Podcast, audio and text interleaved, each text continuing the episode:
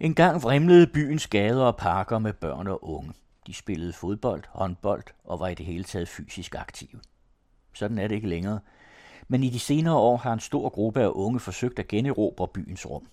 De skater, dyrker parkour, spiller basketball og meget, meget mere. Den anden sport på den anden radio sætter fokus på gadeidrætten. Gennem en snak med Semir Katovic, leder af den nationale platform for gadeidræt, og Morten Bo Andersen, direktør for Game.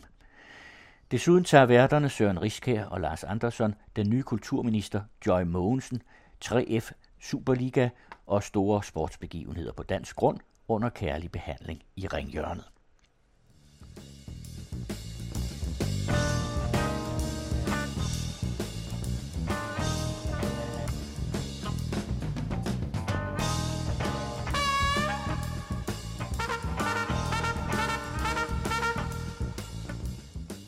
Velkommen til den anden sport på den anden radio. Mit navn er Søren Riskær. Mit navn er Lars Andersen. Lars, jeg ved ikke med dig, men dengang jeg var barn, når vi legede, så var det i gården eller på gaden. Og der kunne vi spille alle mulige former for bold. Sådan var det i de gamle dage. Ja, i de gode gamle dage, da vi var unge. Men sådan er det ikke mere, fordi den øh, ekspanderende bilisme fortrængte de her aktiviteter i 70'erne og 80'erne især til særligt afgrænsede haller og særligt afgrænsede baner. Men i de senere år er unge igen begyndt at indtage byens rum til forskellige idrætslige aktiviteter. Nu hedder det så gadeidræt, eller street sport, hvis man skal være lidt mere international. Og det er en form for idræt, som ikke lader sig indpasse i de traditionelle måder at dyrke og organisere idrætten på. Det vil vi her på den anden sport prøve at belyse lidt nærmere. Hvad er gadeidræt for noget? Og hvorfor melder de unge sig bare ikke ind i en fodboldklub? Til det formål har vi inviteret Semir Katovic, som er leder af den nationale platform for gadeidræt. Velkommen. Tak skal du have. Og Morten Bo Andersen, som er direktør for et foretagende, der kalder sig Game. Tak skal du have. Vi kommer ind på lidt senere, hvad, hvad det er for nogle foretagender, I, I sidder med. Men først og fremmest øh, kunne vi måske prøve at få afgrænset, Semir, hvad er gadeidræt mm. for noget? Det er et idræt, som dyrkes på gaden, fristes man til at sige. Ja. Men det er, vi, vi har lavet et bud på, på 15 idrætter, som vi mener er en, en del af den her gren, som, som vi kalder gadeidræt.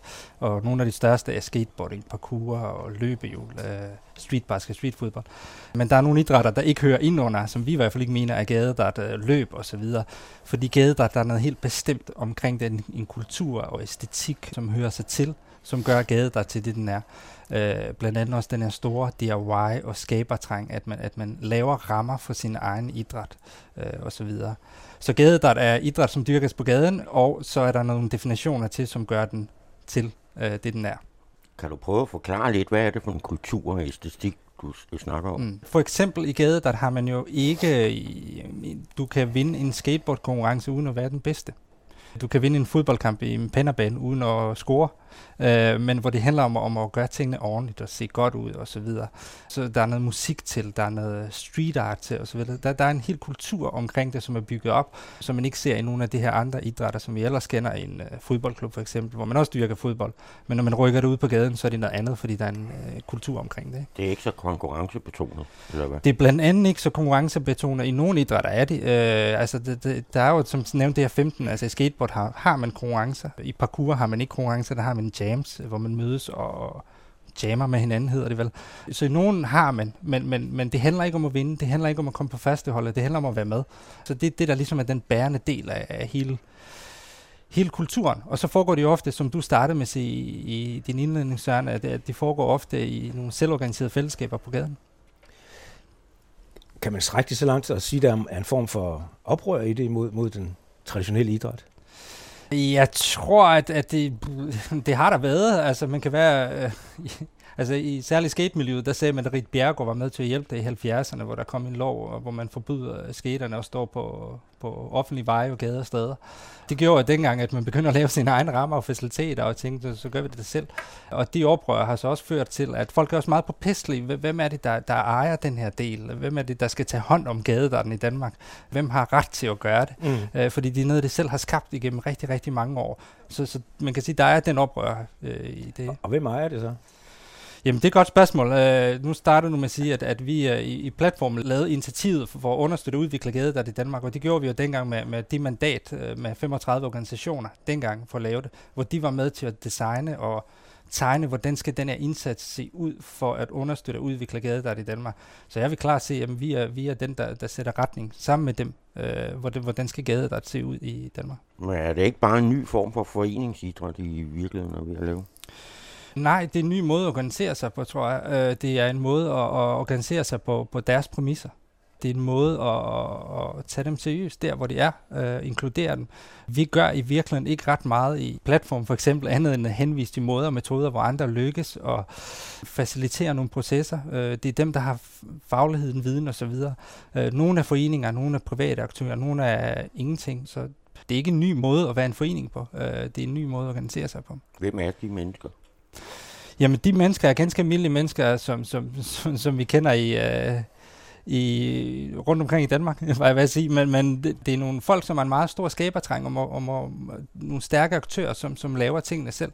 Jeg fik et fint citat med fra, fra Rullesport Danmark i går, som blandt andet har taget øh, den her idræt til sig, som sagde, at øh, Øhm, det er jo fuldstændig det samme som, som organiseret idræt, udover selvorganiseret idræt er meget bedre til at organisere sig selv. Så, så det er nogle folk, der er ganske gode til at organisere sig selv.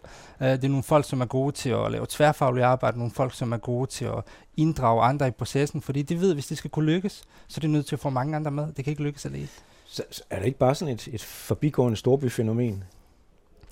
Det er klart størst i, i storebyerne. Det er der, det også er startet, kan man sige. Øh, men, men det er alle steder, i alle kroge, i landets kroge. Altså, vi kan se det med de projekter, vi støtter. Altså, det er alle steder. I har 84 initiativer, så vidt jeg ved, ikke? Vi er over 100 nu. Hvor, hvor er de henne geografisk set? Det er fordelt, der er en stor overvægt i storbyerne, København, Aarhus osv., men, men det er rundt omkring i landet. Altså det, det er også, de, de popper op i små steder, i Saxkobing, i Nakskov, i øh, alle steder. Så, så det er ikke kun København, der har øje, eller Aarhus, der har øje for den måde at organisere sig på. Og hvilke aldersgrupper snakker vi om? Det kan være, at du, Morten, også kan være med til at svare på det. I, I game så, i København. Så Jamen, uh, i game og altså, national platform gade, der er jo to forskellige ting. Ja. Uh, game uh, er jo en, uh, en også, der også bruger gadedræt, en organisation, der også bruger gadedræt, men til at mere til at række ud mod børn og unge i uh, socialt belastede områder. Uh, så man kan sige, det er to forskellige målgrupper. Uh, jeg vil sige, målgruppen generelt, og nu kan jeg simpelthen sikkert rette mig her, men jeg vil sige, de er sådan 16 til 25, rigtig mange udøvende, men der er selvfølgelig også børn, og der er også ældre, fordi der er ikke nogen adgangskrav. Det er jo en af en af succeserne, synes jeg, ved den nationale platform for gadeidræt, det er, at øh, tærsklen for at deltage er altså rigtig, rigtig lav. Nu fik øh, uh, Semir sagt det her med, at øh, der er sådan en stærk skabertrang og stærk DIY, øh, do-it-yourself-trang, men man, man behøver ikke at kunne bygge en rampe for at være med. Men det viser sig bare, at de, de forløb, vi kommer ind i, når vi begynder at facilitere dem, så er der altid en, der kan. Og så er der en, der kan øh, finde ud af, hvordan man får købt noget ind, og der er en, der kan finde ud af, hvor man, øh, hvor man finder en sponsor, og der er en, der kan finde ud af, hvordan man får den her øh, event til at stå. Så DIY-kulturen øh, behøver ikke noget, man har i sig, men det er bare i miljøet. Mm. Hvordan hænger økonomien sammen med det her? Jamen, det er meget forskelligt, øh, fordi at, øh, som Semir lige sagde, så er der mange former for organisering gadeidræt i sig selv er jo ikke en dyr sport. Mm. Øh, rigtig, rigtig ofte så øh, har udøverne deres eget board, øh, hvis det er skateboard, mm. eller deres egen bold, hvis det er basketball. Øh, de spiller jo det tøj, de har på. De er ikke ude at købe nye sko eller smart tøj, for man kan godt spille øh, basketball i cowboybukser, når, man, når det er på gadeidræt-niveau. Og i de sko, man går i skole i, der er der ikke nogen, der, der vrikker på næsen af. Men det er klart, at øh, noget af det får jo så også den her dimension, der hedder, at det her det kan jeg godt blive god til. Det her det vil jeg gerne videre med. Øh, så begynder det jo at skulle organiseres det kan starte selvorganiseret. Det kan være sådan nogen som Semia, der hjælper med noget rådgivning. Det kan være, det ender med at være en forening. Det, er ikke, øh, det kan også være, det ender med at være et kommersielt, altså for-profit projekt, hvor nogen siger, at det her det kan vi faktisk godt sælge til nogle andre, så nu får vi det til at fungere. Så økonomien kan komme mange steder fra. Som vi driver det, så er det jo øh, fundet øh, via en fond, øh, som, som fonder den del af det, vi bruger. Og rigtig mange af de penge bruger vi på at give til de her unge mennesker til at sige, vi tror på dig, du får de her penge til dit projekt, men vi hjælper dig med at få mest muligt ud af det, øh, så, du, så du også kan gøre det på et andet tidspunkt. Men altså, nogle af dem udvikler sig til at blive en egentlig forening. Øh, nu spurgte du før, hvor det var henne. Jeg synes, et af mine yndlingseksempler fra Semia er jo Furesø Skate, som var nogle drenge og piger, som bare gerne vil skate, øh, og der var ikke rigtig plads, men de har jo den her store nedlagt flyvestation derude, hvor der er rigtig meget asfalt. Og der er i en dialog med, med, med platformen, er det så blevet til en forening, fordi de mente, det var den bedste måde at gå frem på. Og nu er der, og nu kan du rette mig, men jeg tror, der er 250 medlemmer mm. det første år i en lille sportsforening uden for København. Mm. Og der er en rigtig god dialog med kommunen, og jeg tænker, at det ender med et skateanlæg mm. i, i kommunen også. Ikke? Så, så økonomien kan komme på mange måder, men hen ad vejen rigtig ofte. Mm. Men nu med det her eksempel, er, er vi ja. så i virkeligheden ikke på vej fra gadeidrætten over i foreningsidrætten? Jo, men gadeidrætten er jo ikke et, en modsætning til foreningsidrætten. Altså man kan jo godt dyrke gadeidræt i en forening. Det handler om udøveren og om sporten og om øh, fællesskabet, mere end det handler om organisationsformen, synes vi. Så vi prøver bare at rådgive ud fra de ting, der fungerer bedst for den enkelte person. Nogle fungerer i en forening, andre fungerer slet ikke i en forening. Og det er jo også en af styrkerne her, det er at sige, vi er ikke en, en modsætning til den organiserede idræt. Vi er et supplement til den organiserede idræt. Og vi synes, der er rigtig mange fælles overgange der, som, som kan dyrkes og kan, og kan blive til noget endnu bedre. Og vi arbejder jo også med de to store idrætsorganisationer i platformsregi i dag, til at prøve at, at booste noget af det her på begge sider af, af vandet. Men er der så overhovedet behov for offentlig tilskud? Altså det lyder som om, det, det faktisk fungerer meget godt. Ja, det er der. Altså, det, der, der er både behov for offentlig tilskud, men der er også behov for at legitimere den mødeform, øh, altså måden, de mødes på, det her unge, som, som en... Jo, hvad det så siger, øh, legitimere det, hvis ikke det handler om, om tilskud? Jamen, det, det handler om den måde, de kan få tilskud på. Det eneste måde, du kan få tilskud på det i dag, det er, hvis du er en forening. Ja. Og, og vi, vi har jo nogle af de her store organiseringer, altså, som måske ikke er foreninger, som er en privat virksomhed, eller som er en initiativ, som vi kalder det, som er en stor gruppe, der laver ugenlige aktiviteter, men ikke er en forening. De møder mange barriere på vejen for at nå hen mm. øh, til, til noget, der ligner en tilskud. Det kan de få for os, men ellers så er der jo sådan set ikke andre, der, der, der, der vil anerkende dem. Og ofte så er der, så er der, der er jo ikke noget galt, som Morten sagde, det, altså, vi, vi skiller ikke imellem om det er en forening eller ej, men, men ofte så, så kan de måske også være med til at booste dem, til at give dem en, en vej ind i en forening, frem for venten om at så sige, at først skal I være en forening, og så skal I lave en aktivitet. Hvis vi møder det her unger der, hvor det er, og starter med aktiviteten og udvikling og rammen som kerne, så er vi sikre på, at vi får mange flere med, hvis vi starter helt bottom-up i virkeligheden. Og hvis man snakker om idrætten her som en slags sammenhængskraft og fællesskaber, øh, kan man sige, så er det jo ikke gjort med, at man laver en forening. For hvis man laver foreningen bare for at få tilskuddet, så bliver foreningen jo bare noget, der står på et stykke papir. Mm. Og det årlige øh, generalforsamlingsreferat bliver noget, der bliver skrevet på forhånd, og så skriver dem der lige under, der bliver nødvendigt at skrive under, for at man kan opfylde kravene, så kommunen kan give en noget tilskud. Men hvis foreningen bliver noget, hvor man rent faktisk mødes, får noget sammenhold, lærer hinanden at kende, udvider sin bekendtskabskreds, så er jeg all for foreninger. Jeg siger bare, at det ikke altid det, en forening gør.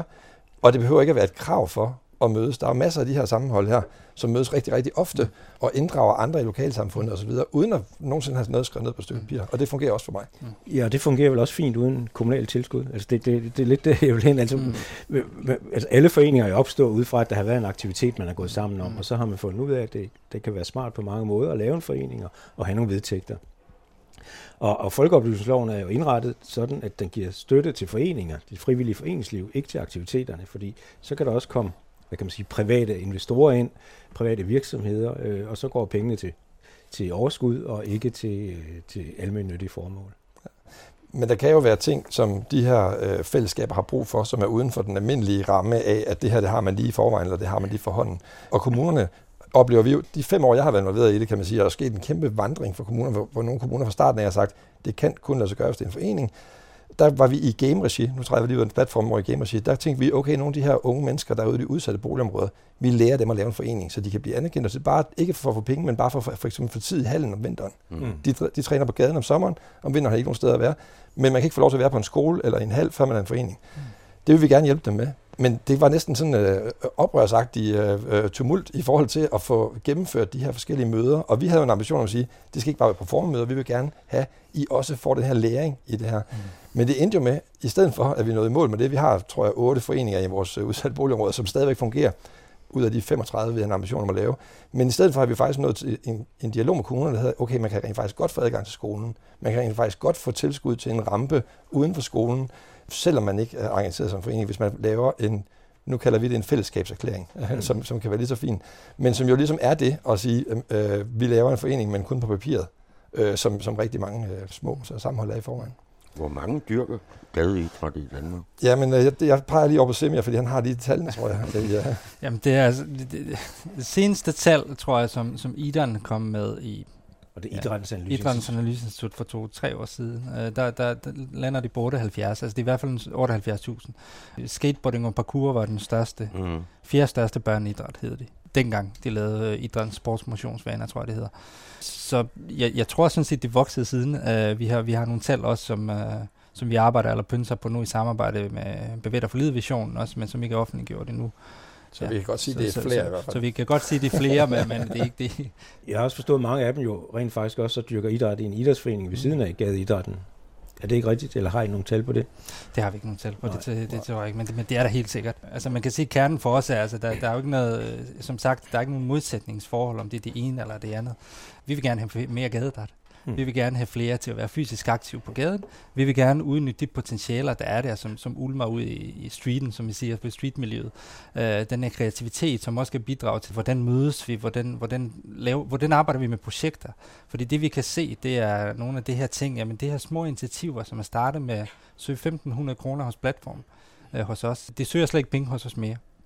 Det er rykket helt hen og søger store fonde nu, Mm. og laver nogle helt andre, det er nogle store bæredygtige idrætsforeninger, som søger 200.000 hos Tuborgfonden og inddrager mange flere osv., men det startede med, med, med 20 skateboards hos os, fordi vi har kunne give dem den der skulderklap, uden at sige, ah, I er ikke forening, ja, vi vil ikke tale med jer.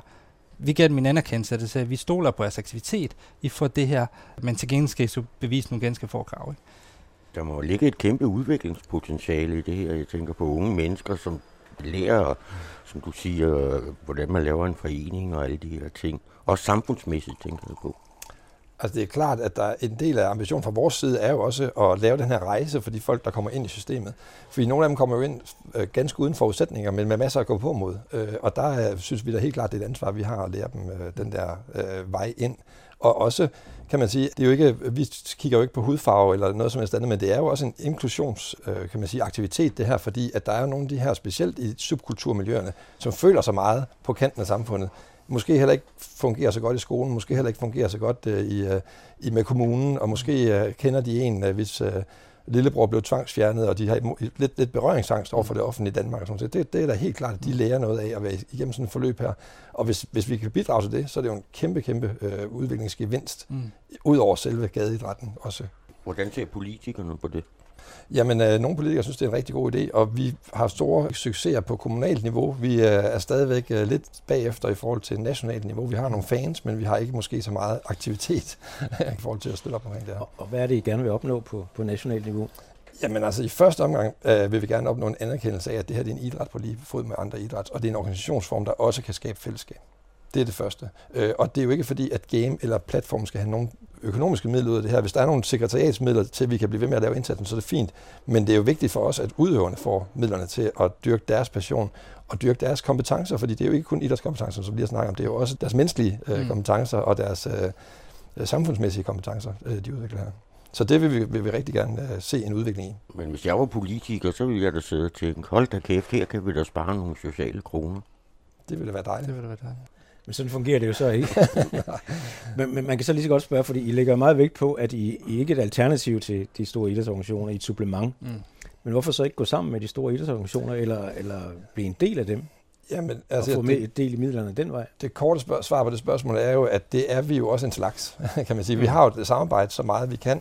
Øh, Det vi oplever øh, nogle gange i, den, i det her samarbejde, det er, at øh, når man strammer garnet, så kvæler man barnet, som det så smukt hedder i julesangen. Fordi at, at det, som vi tilbyder til de her udøvere, som er på kant, og som er sig selv, øh, kan man sige, det passer ikke ret godt ind i de allerede eksisterende systemer. Og der oplever vi i hvert fald i den dialog, vi har haft indtil nu, at øh, der er rykket nogle ting, men der er stadig nogle ting, som de store idrætsorganisationer ikke kan tilbyde de her. Så selvom man kan sige, at de kunne nå længere nu, end de kunne for fem år siden, så vil det helt sikkert, hvis vi, hvis vi gik over den skål, kan man sige, og, og ligesom stoppede med at gøre det, vi gør, øh, så vil der være nogen, der stod helt udenfor stadigvæk. Mangler, Og det vil vi være. mangler organisationerne noget rummelighed? Jeg tænker på, de for DGI snakker meget om, at de skal have et socialt ansvar og alle de her ting. Man skal ja. inkludere svage børn og så videre og så videre. De arbejder hårdt på det. De bliver rigtig øh, meget bedre til det. Vi øh, synes selv, at vi kan klare os selv på skulderen for at være med til at skubbe til den udvikling. Og det er helt klart den rigtige vej, det går. Men der er bare stadig et skridt i sidste ende. Øh, og så kan man sige, hvor det før måske var de sidste 15 procent, så er det måske de sidste 5 procent, men det er stadig mange børn og unge, øh, der står udenfor, hvis det er, at- at der ikke er den her indsats her. Så manglende rummelighed, øh, det gjorde de mere, end de gør nu. Øh, det gør de stadigvæk lidt, ja. Men det springende punkt, det er jo stadigvæk det her i, i forhold til, som vi var inde på før, med, med, med foreningsdannelse og demokrati. Mm. Altså, når der opstår konflikter, og når penge skal fordeles, så er der nogen, der skal bestemme. Mm. Og hvordan, hvordan organiserer I, I det? Altså, når, hvis ikke der er nogen formelle strukturer mm. til at Mm. træffe de her beslutninger, hvordan sker det så? Altså de penge, som vi øh, deler ud fra fonden til initiativerne, der har vi jo lavet et lille udvalg, øh, som er repræsenteret af en øh, DIF-medarbejder, en DGI-medarbejder, en øh, game-medarbejder, og så øh, nogle aktører fra de her idrætsinitiativer, gadeidrætsinitiativer.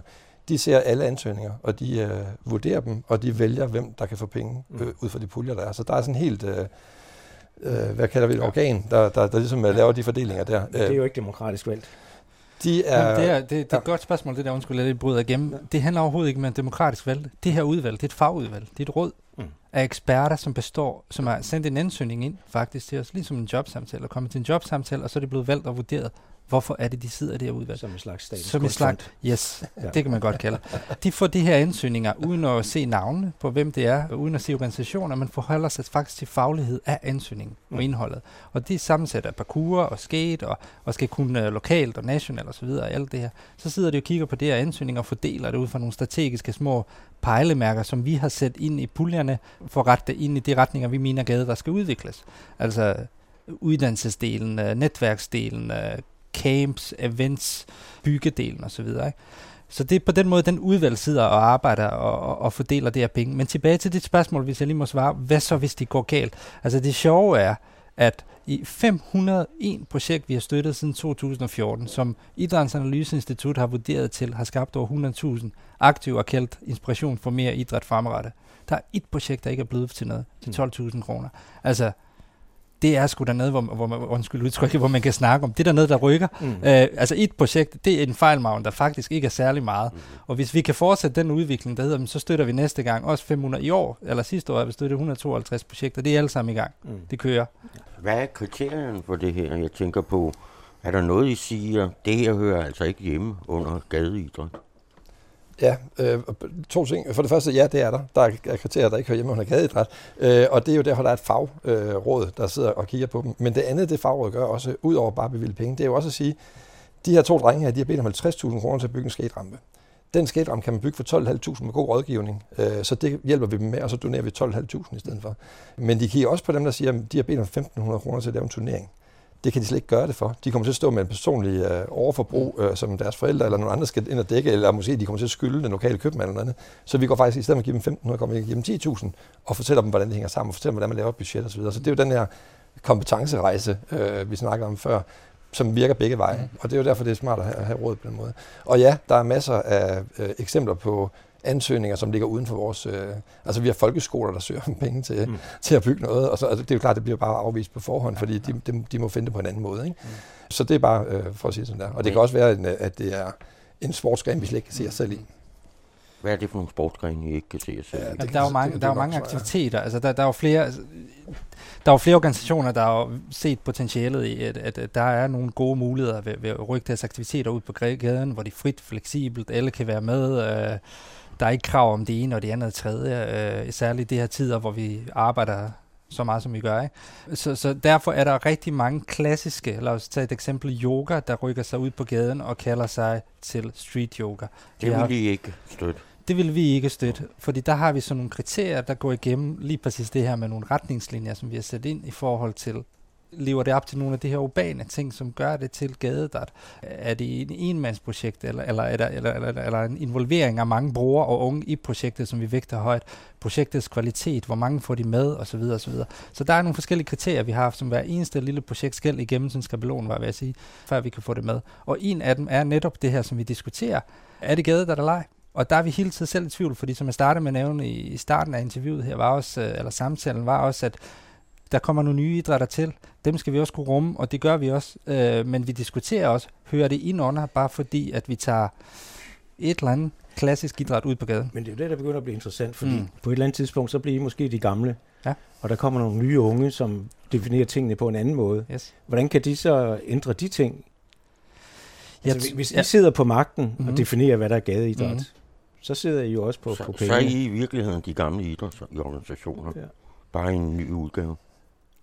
Nej, det synes jeg faktisk ikke, vi er, fordi jeg synes netop, at vi rummer nye. Altså, vi, vi, der er jo flere idrætter, vi har taget ind, som vi har set, okay, det der Sea Wheel, som er sådan en hjul ude på gaden, det, det tager vi med. Det har jeg aldrig hørt om selv, selvom jeg er skatet i 20 år. Så tager vi da det med, fordi det har nogle af de her kriterier, hvor det kan få folk med på gadens vilkår. Øh, det har nogle af de her urbane øh, ting, som vi definerer som gadedræt. Der er ikke nogen krav om tøjstil og det ene og det andet, så derfor har vi gennem tiden taget, taget en del idrætter ind. Men der er også nogle af dem, hvor vi, hvor vi, altså vi diskuterer også, er vi smagsdommerne for det her, og hvad er kernen, og hvad er ikke kernen, og er der noget, der er en trend, eller er det noget, der bare kommer og går, eller hvad, hvordan må ledes? Altså? Og vi forsøger at lave de her åbne gadeidræts netværksmøder, hvor alle kan møde op mm. og sige sin mening. Uh, vi, vi opfordrer jo alle til at søge om at komme med i det her råd her. Uh, så jeg vil sige, selvfølgelig, som, som, som, som jeg siger, kan man godt, vi sidste ende godt blive de gamle, og vi kan godt blive smagsdommerne. Så må vi håbe, der er nogen, der er smartere end os, der kommer og udkonkurrerer os på det tidspunkt. Men jeg synes, at det handler om, at det er udøveren, uh, der er i centrum her, og sekretariat, der er så lille som muligt. Og det lyder altså, jo alt sammen meget, meget rigtigt og meget fint, men, men altså, jeg, jeg har været inde på jeres hjemmeside og prøvet at lede efter vedtægter som jo også sådan noget, man må kigge efter som byråkrat. Og dem kunne jeg ikke finde, øh, hverken for platformen eller for, for, for game. Det kan godt være, at det er mig, der ikke var, var dygtig nok til at lede efter den. Men hvordan kan det være, at man ikke kan se, hvordan får man indflydelse i, i de to organisationer? Mm. Ja. Altså for Game er der vedtægter, for vi er en forening. National Platform for Gader er ikke en forening. Nej. Så det, der er ikke nogen øh, offentlige vedtægter på den måde. Men, øh. men, men så, så hvis vi tager Game først, i, ja. i en forening, ja. hvordan bliver man medlem af den forening? Jamen, øh, man kan melde sig ind, og man kan øh, møde op til vores generalforsamling. Man kan okay. komme i repræsentantskabet, og man kan, man kan stille op til bestyrelsen, øh, ligesom alle andre, og bestyrelsen bliver valgt øh, øh der på generalforsamlingen. Så, der, der er en så, så bestyrelsen er valgt af, af de menige medlemmer? På generalforsamlingen, ja. ja. ja. Okay. Og, og så, så på den måde, alle kan melde sig ind. Ja. Og det er klart, at øh, der er en øh, øh, bestyrelsen kan ikke udskiftes på én gang, så der er forskellige øh, måder, ja, ja. Hvor, hvor, hvor det sådan tager, tager noget tid. Men, men ja, i virkeligheden er det, er det åbent, øh, som det er. Og det er jo også sådan i bestyrelsen i Game, bliver valgt, og så konstituerer de jo selv en formand. Så det er jo ikke noget med, at jeg sidder og bestemmer, hvem der skal være bestyrelsesformand i Game, og hvad, hvad retningen skal være. Sådan noget. Det er, jeg arbejder med bestyrelse, som jeg refererer til. Mm. Du er ansat i bestyrelsen? Ja. ja.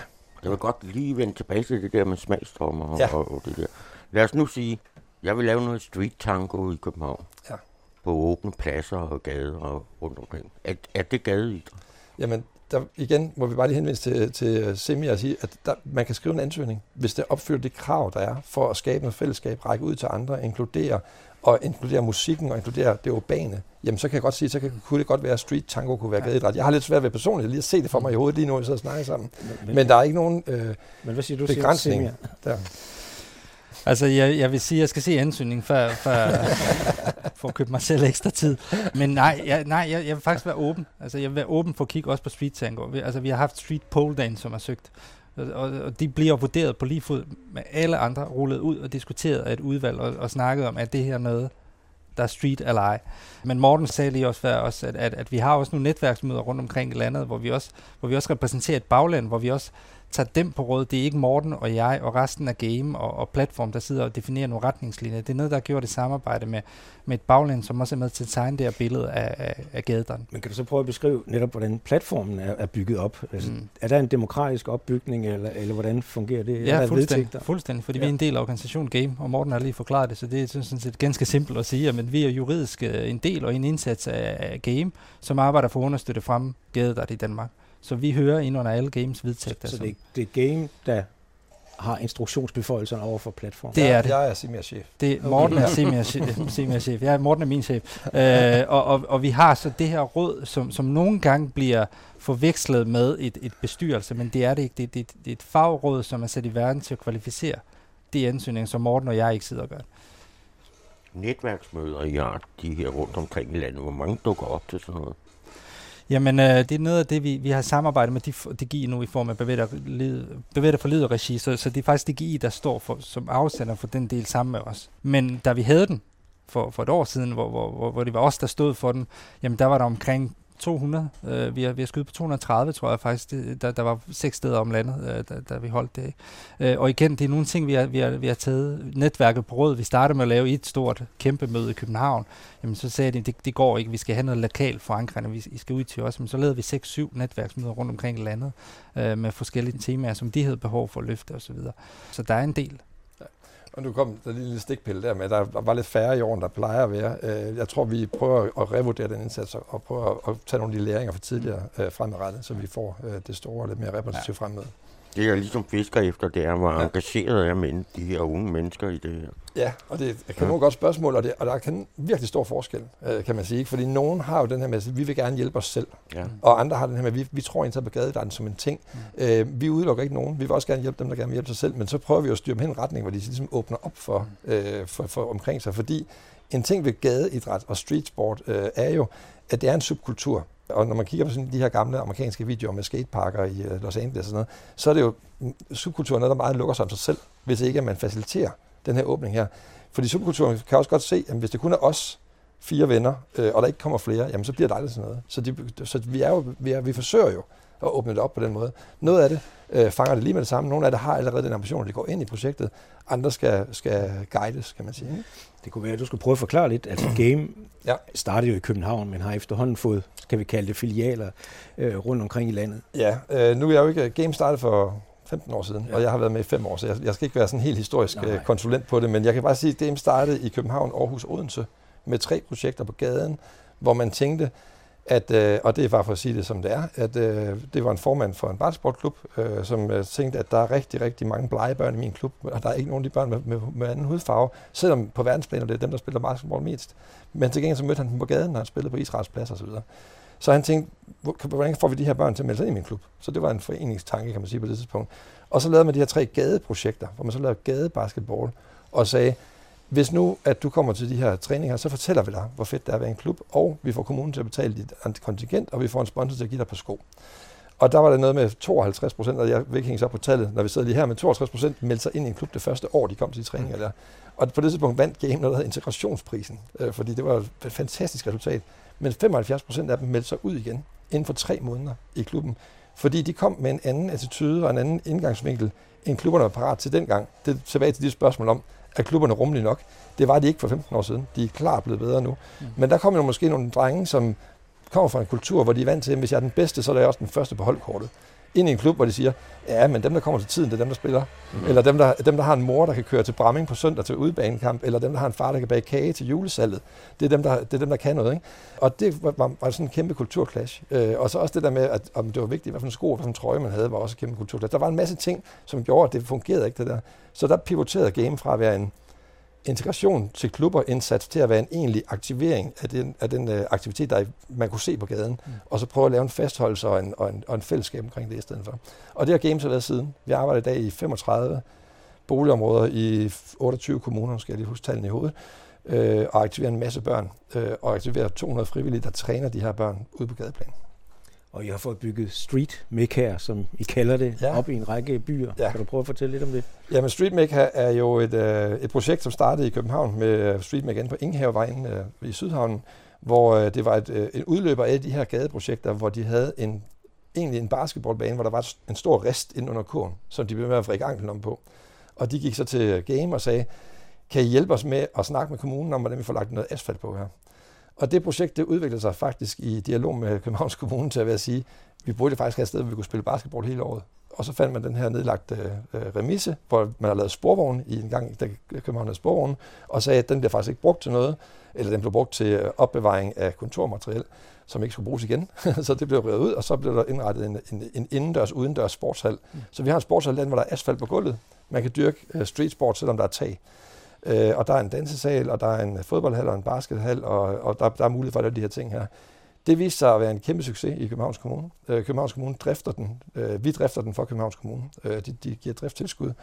Og så øh, tog man den erfaring og sagde, det tror jeg godt, vi kan lave andre steder.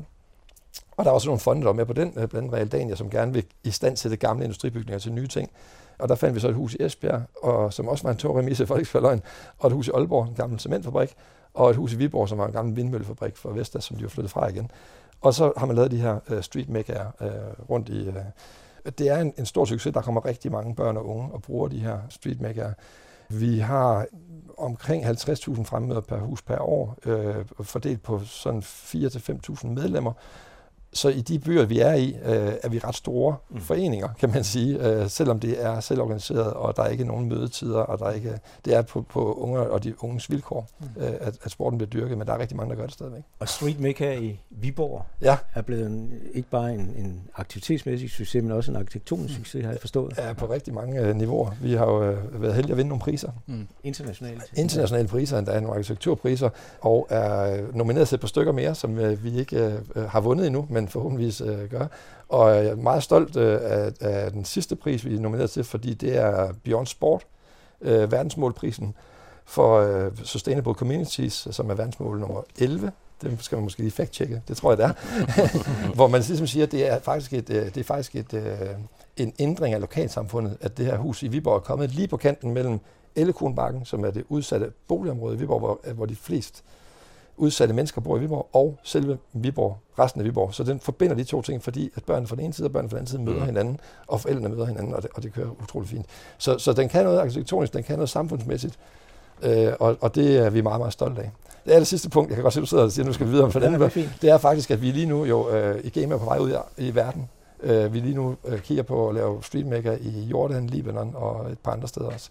Øh, og vi er tættere på, end vi har nogensinde været før, så det, det er vi meget stolte af. Hvorfor netop lige der? Jamen det er fordi, det er der, vi har aktiviteter. Øh, vi har jo et, øh, et playmaker, altså et frivilligt projekt i de her lande.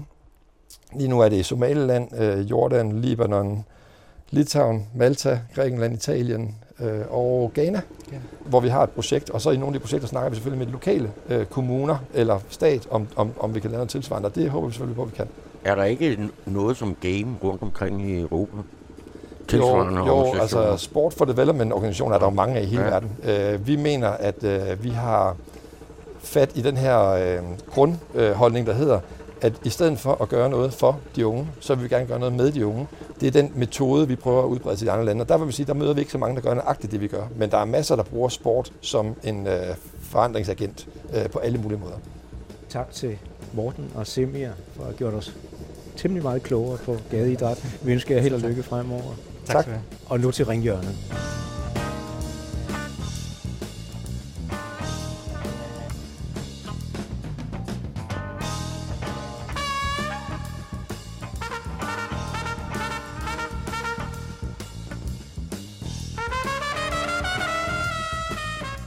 Vi har jo fået en ny kulturminister, Joy Mogensen, fra Socialdemokratiet.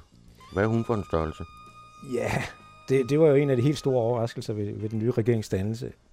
Og det bliver meget, meget spændende at se, hvordan hun vil udvikle sig. Det er et spændende valg, og jeg synes, det man har sådan kunne se i medierne, tegner en politiker, som har en klar mening om øh, kulturpolitik, øh, har en selvstændig mening om kulturpolitik og selv kan formulere sig.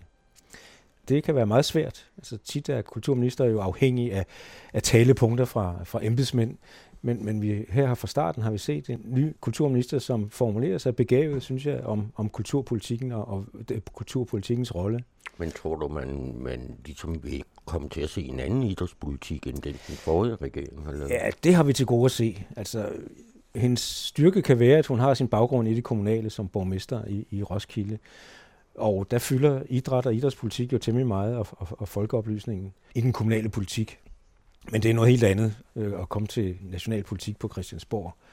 Og jeg tror, at hendes store udfordring, det bliver jo nok, at hun hører ikke til de inderste magtcirkler i partiet. Det gør en traditionel kulturminister jo ikke. Nej, det gør det ikke, men der har været tilfælde. Mm. En Brian Mikkelsen sad i regeringens øh, koordinationsudvalg og regeringens økonomiudvalg, og det er alfa og omega at have en kulturminister, som kan ringe til finansministeren eller kan ringe til sin ministerkollega og sige, sådan skal det være. Det betyder alt. Øh, Og skaffe nogle penge. ja, blandt andet. Men ikke bare det, men også at lægge nogle strategier og være med til at foretage de, de overordnede valg. Og der tror jeg, at, at vi har en, får nu en minister, som er placeret rimelig marginalt. Og jeg tror, en anden stor udfordring for hende, det bliver måske også at gå ind i spillet.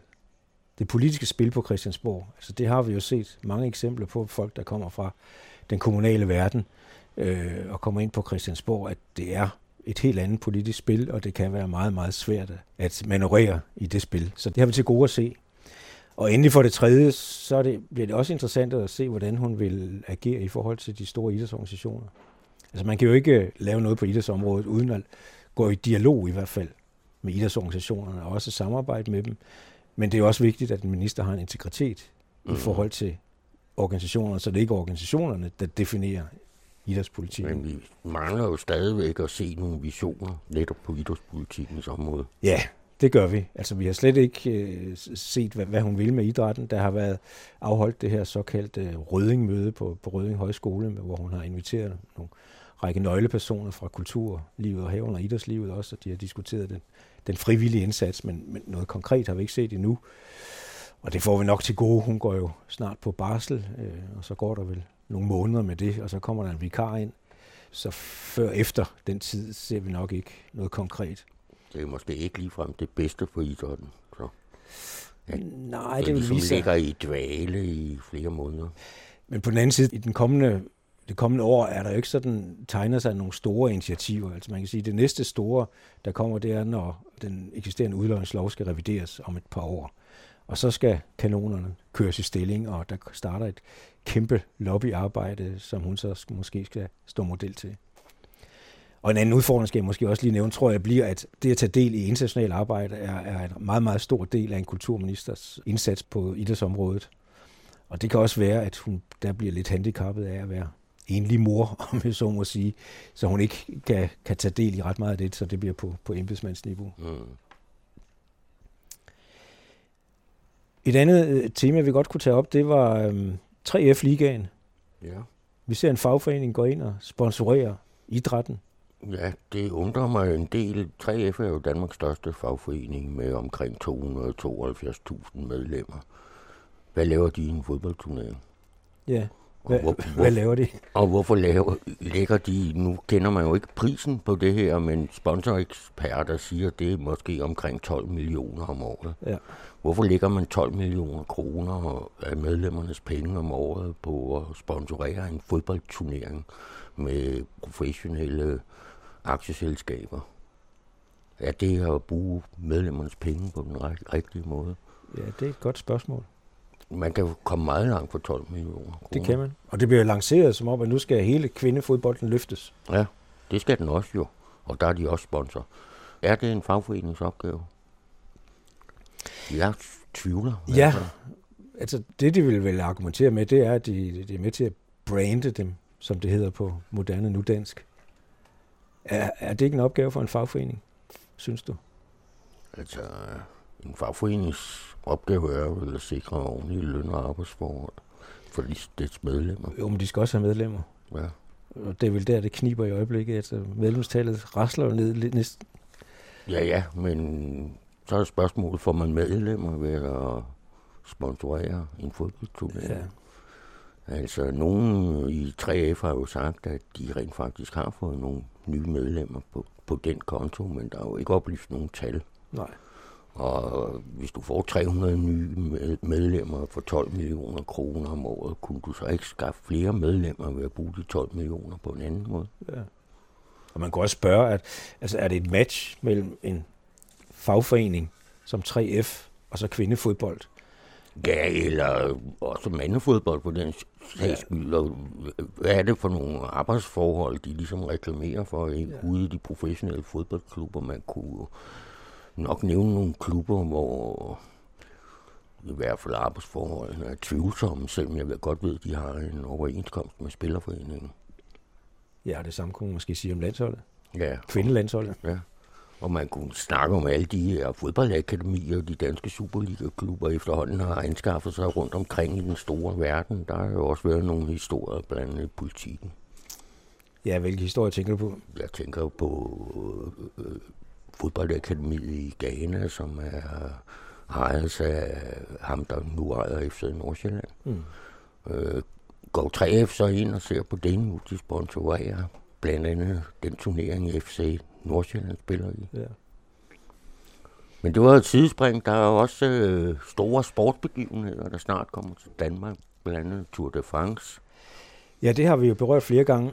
Og jeg kan ikke lade være med at lige pege på en øh, ny undersøgelse, som Rasmus Storm fra Idrættens Analyseinstitut øh, har fået publiceret i det internationale tidsskrift International Journal of Sport Policy and Politics.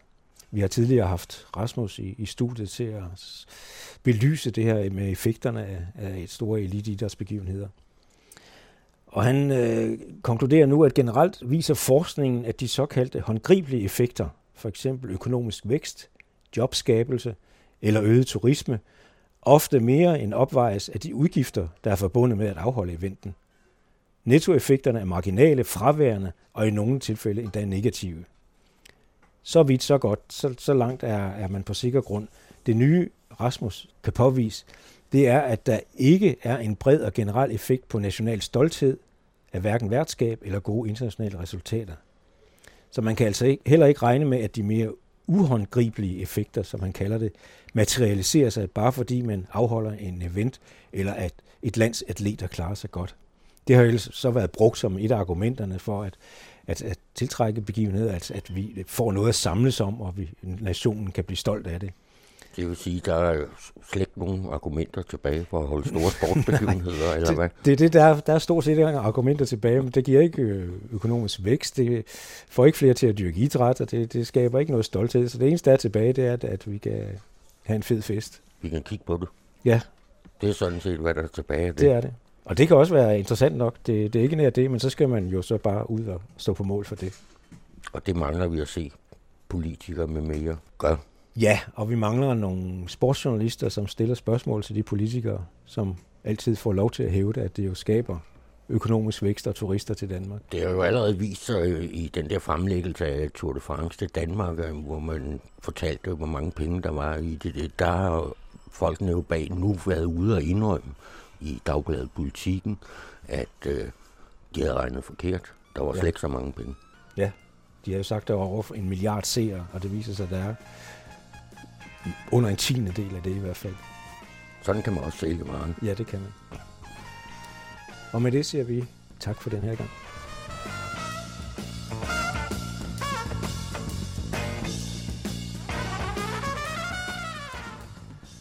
I hørte Søren Riskær og Lars Andersson i den anden sport på den anden radio.